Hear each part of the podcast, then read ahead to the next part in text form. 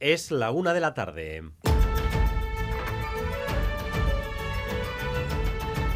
Crónica de Euskadi con Dani Álvarez. A Rachaldeón, esta mañana se ha publicado el indicador de referencia internacional para saber el nivel de conocimiento del alumnado vasco en comparación con otros países desarrollados. Es el llamado informe PISA. Y lo primero que llama la atención es un retroceso generalizado en el nivel de prácticamente todos los países, un retroceso que se atribuye a los meses en los que la pandemia interrumpió los métodos de enseñanza tradicionales. Ese retroceso afecta también a Euskadi, aunque en matemáticas, que es la materia que se ha mirado esta vez con más atención, estamos por encima de las medias de España, Europa y la OCDE. Natalia Serrano. Euskadi, em, eh, Euskadi, empeora resultados en PISA, bajada generalizada en todos los países. El propio informe destaca y lo achaca a la pandemia. En matemáticas, Euskadi baja cerca de 17 puntos con respecto al informe anterior, aunque es una bajada significativamente menor que en el resto de países. Esto le permite situarse en matemáticas por encima de la media de la OCDE, Unión Europea y media española. Aún así, es la novena comunidad autónoma en competencia matemática. El consejero de Educación Vildarrach ha justificado la bajada por la pandemia, ha dicho, como el informe PISA, como en el resto de los países, ha dicho Vildarrach, es generalizada.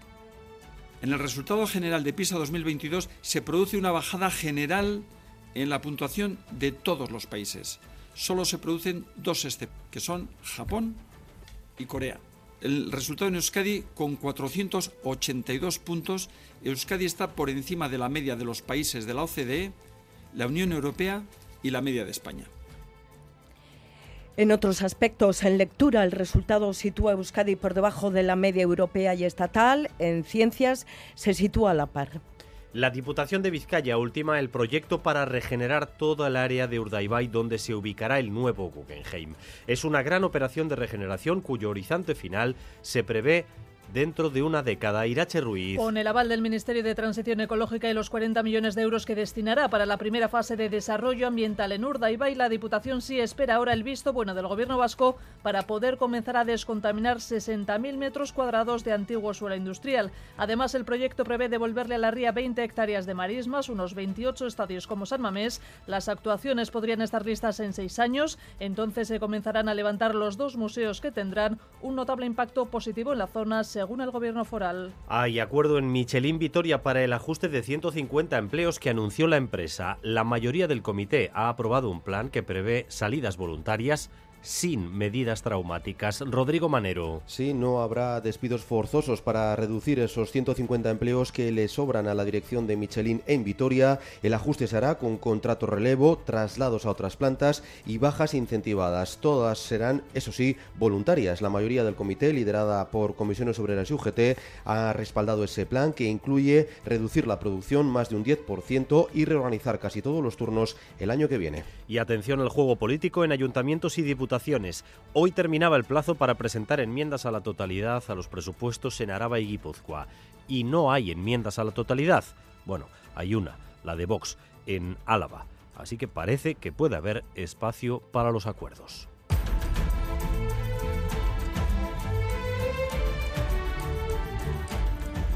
Y en marcha la operación escapada del acueducto de diciembre. Con los festivos de mañana y el viernes a la vista, se espera un gran movimiento de turistas. Los vascos a otros destinos, los de fuera hacia nuestro país. La unidad móvil de Radio Euskadi está siguiendo el movimiento que hay ya a estas horas en carreteras y lo que se espera para el resto de la jornada. Gorka Saavedra, Rachaldeón a León desde el peaje de la P8 en Durango sentido Donostia, donde la directora de tráfico del gobierno vasco, Estibaliz Olavarri, ha anunciado un aumento de desplazamientos en Euskadi para este puente de diciembre de 2023. Se esperan más de 600.000 desplazamientos por carretera y habrá que prestar especial atención en la A8, dirección Cantabria, en la Muga, en Viriatú y a la altura del nudo de Armiñón.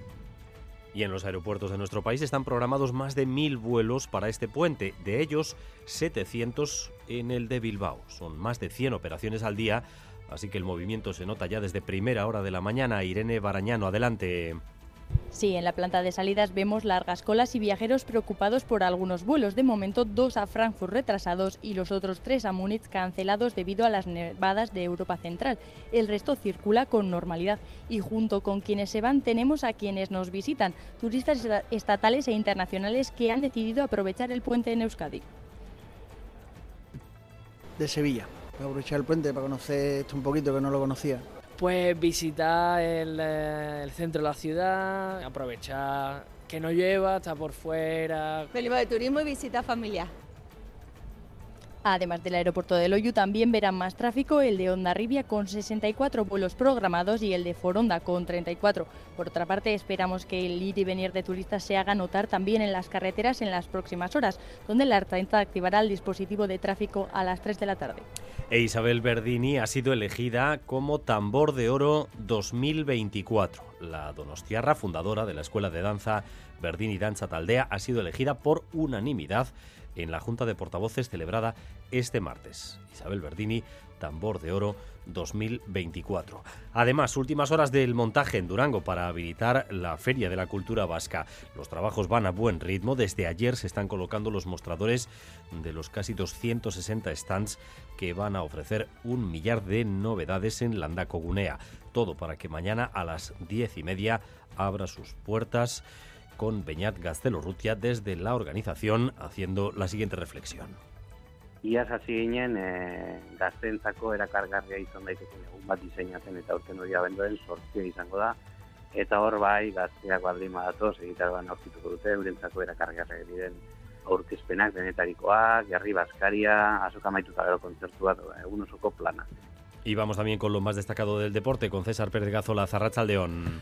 Don Dani, hoy comienza la segunda ronda de Copa con cuatro partidos, ocho equipos de los nuestros en Liza. Mañana es el turno para la Real Sociedad en el campo del Andrach y para el jueves va a ser cuando juegue el Atlético en el campo del Sardinero ante el Cayón. También juega mañana el Deportivo La Vez en Terrassa. Y por cierto, nos quedamos con una cifra 17.752, en la cifra de abonados a día de hoy del Deportivo Alavés, récord histórico del club Gastistarra. Y en el Winter Series desde esta punta de Guernica, esta pasada noche, victoria de Johan Zorozabal e Iván López ante la Duche y Gorka por dos sets a cero. Primer triunfo, por cierto, de Johan y López en el campeonato Guernicarra. Accidente mortal en las carreteras en Guipúzcoa, en Mutricu, Mayalen Galparsoro. Ha ocurrido hace un par de horas en la Guipúzcoa 638 en Mutricu, sentido Ondarroa. Han chocado frontalmente un coche y una furgoneta y una persona ha quedado atrapada y finalmente ha fallecido. La Archaincha investiga lo ocurrido porque no está claro si la persona que ha fallecido ha muerto a causa del accidente o ha podido tener algún problema de salud justo antes del accidente. En lo que llevamos de año ya han muerto 42 personas en las carreteras vascas. En cuanto al tiempo, hoy jornada fría, especialmente en el interior donde las temperaturas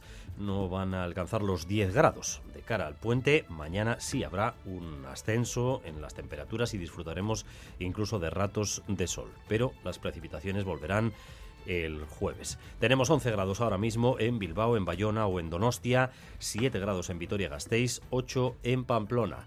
Gracias un día más por elegir Radio Euskadi y Radio Vitoria para informarse. Raúl González y José Ignacio Revuelta se encargan de la dirección técnica y Manol Manterola de la coordinación.